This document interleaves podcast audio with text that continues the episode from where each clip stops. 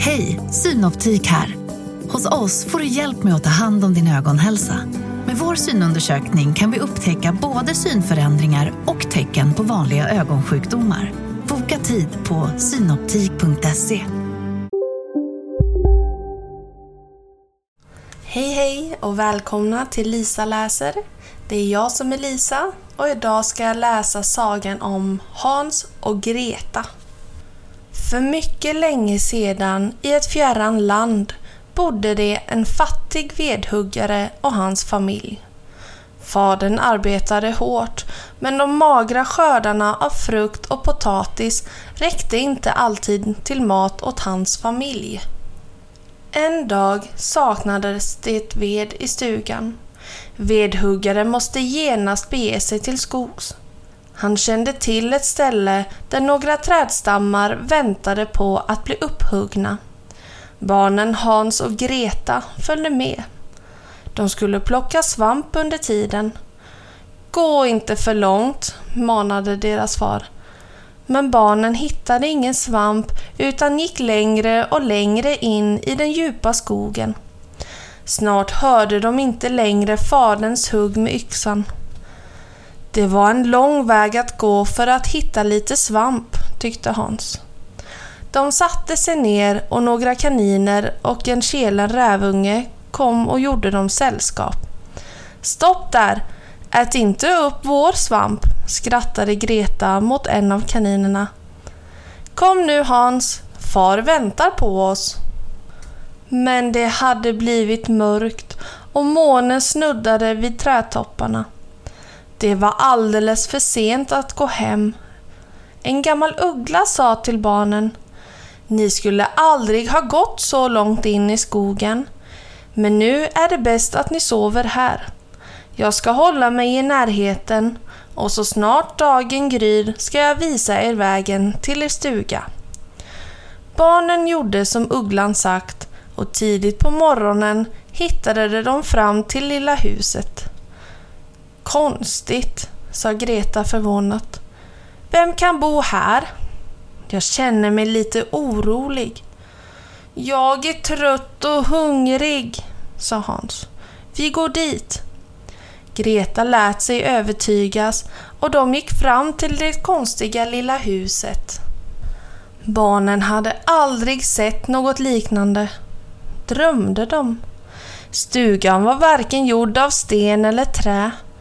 Bara socker och pepparkakor, utropade Greta. Här kunde man mumsa i flera timmar. Barnen, som bara kände till fattigdom, smakade på allt. Greta lät sockret smälta på tungan medan Hans frossade i pepparkakorna. Vem är det som gnager på mitt tak? frågade plötsligt en godmodig röst. Dörren öppnades och en liten gumma syntes på tröskeln. Greta ville springa sin väg, men med sin mjuka röst lugnade den lilla gumman henne och bjöd henne att stiga in. Nej, gå inte in i huset. Spring iväg, ni hinner fortfarande, ropade en hjort och drog av alla krafter i Gretas blus. Men den lilla flickan, hon var alldeles för frestad. Jag ska laga en kopp varm choklad åt er, sa den lilla gumman. Hans och Greta kände sig trygga. Gumman var så snäll att de genast somnade i den mjuka sängen. Greta, jag skulle också vilja ha ett hus av pepparkakor, viskade Hans. Godnatt Hans, sa Greta och somnade genast. Och medan de drömde om godsaker och karameller skedde det underliga saker. Greta skrek till så fort hon öppnade ögonen på morgonen. Hon såg spruckna väggar, spindelväv och trasiga gardiner. Ett tjockt lager av damm täckte möblerna. Den söta lilla stugan hade förvandlats till ett gammalt ruckel. Plötsligt öppnades dörren och en hemsk häxa dök upp. Den snälla gumman var i själva verket en otäck gammal häxa. Haha! hånskrattade hon. Det var allt en fin överraskning va? Hon tog tag i Hans och slängde honom i en bur. Häxan tvingade Greta att laga mat och göda sin bror. Hon ville ha honom fet och läcker att äta. Varje morgon gick häxan fram till buren för att se om Hans hade blivit tillräckligt tjock. Eftersom hennes ögon var gamla bad hon Hans sticka ut sitt finger mellan spjälorna så att hon kunde känna på det. Din kanalje, du lägger ju inte på mycket på hullet. Hans var nämligen en listig liten pojke som varje gång stack ut ett kycklingben istället för ett finger. Några veckor gick och häxan började tröttna på att vänta. Greta, tänd brasan, ta den stora grytan och fyll den med vatten. Idag ska Hans ätas upp. Åh nej, suckade Greta. Hur ska jag rädda min bror? Först en timme i ugnen, sen ska han få puttra långsamt i en god buljong. Mm, det vattnas redan i munnen på mig. Veden sprakade och stora flammor slickade grytans botten. Vattnet kokade så att det bubblade kraftigt. Hela huset luktade lök och kokt potatis. Är ugnen tillräckligt varm? frågade häxan. Jag vet inte, svarade Greta. Du får väl titta efter själv. Det oförskämda svaret gjorde häxan vit av vrede. Flytta på dig, jag ska nog ta reda på det själv, skrek den gamla häxan. Hon öppnade luckan till den stora ugnen och lutade sig fram. Nu eller aldrig, mumlade Greta, sparkade av sig skorna, tog sats och knuffade häxan med all sin kraft. Häxan förlorade balansen och föll rakt in i lågorna. Kvickt stängde Greta ugnsluckan om henne.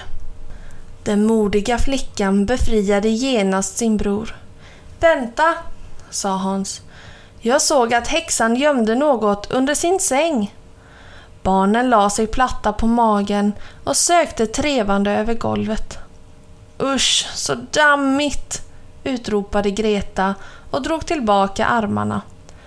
Jag har hittat någonting, sa Hans upphetsat. Han drog fram en liten kista. När Greta lyfte på locket blev hon alldeles bländad av det gnistrande innehållet.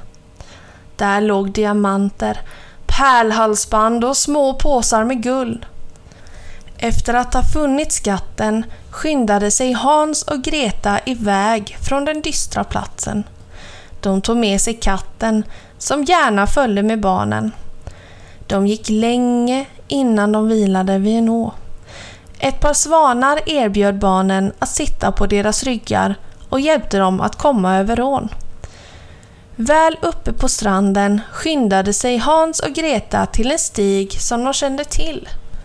Vid mörkrets inbrott skymtade barnen sitt hem. De sprang den sista biten och ropade på sina föräldrar. Äntligen är vi hemma igen! Greta kastade sig i sin faders famn och kramade honom hårt. Hon viskade i hans öra. Vi har inte hittat så mycket svamp, men en sagolik skatt. Och vi ska vara försiktiga hädanefter. Vi lovar. Och snipp, snapp, snut så var sagan om Hans och Greta slut.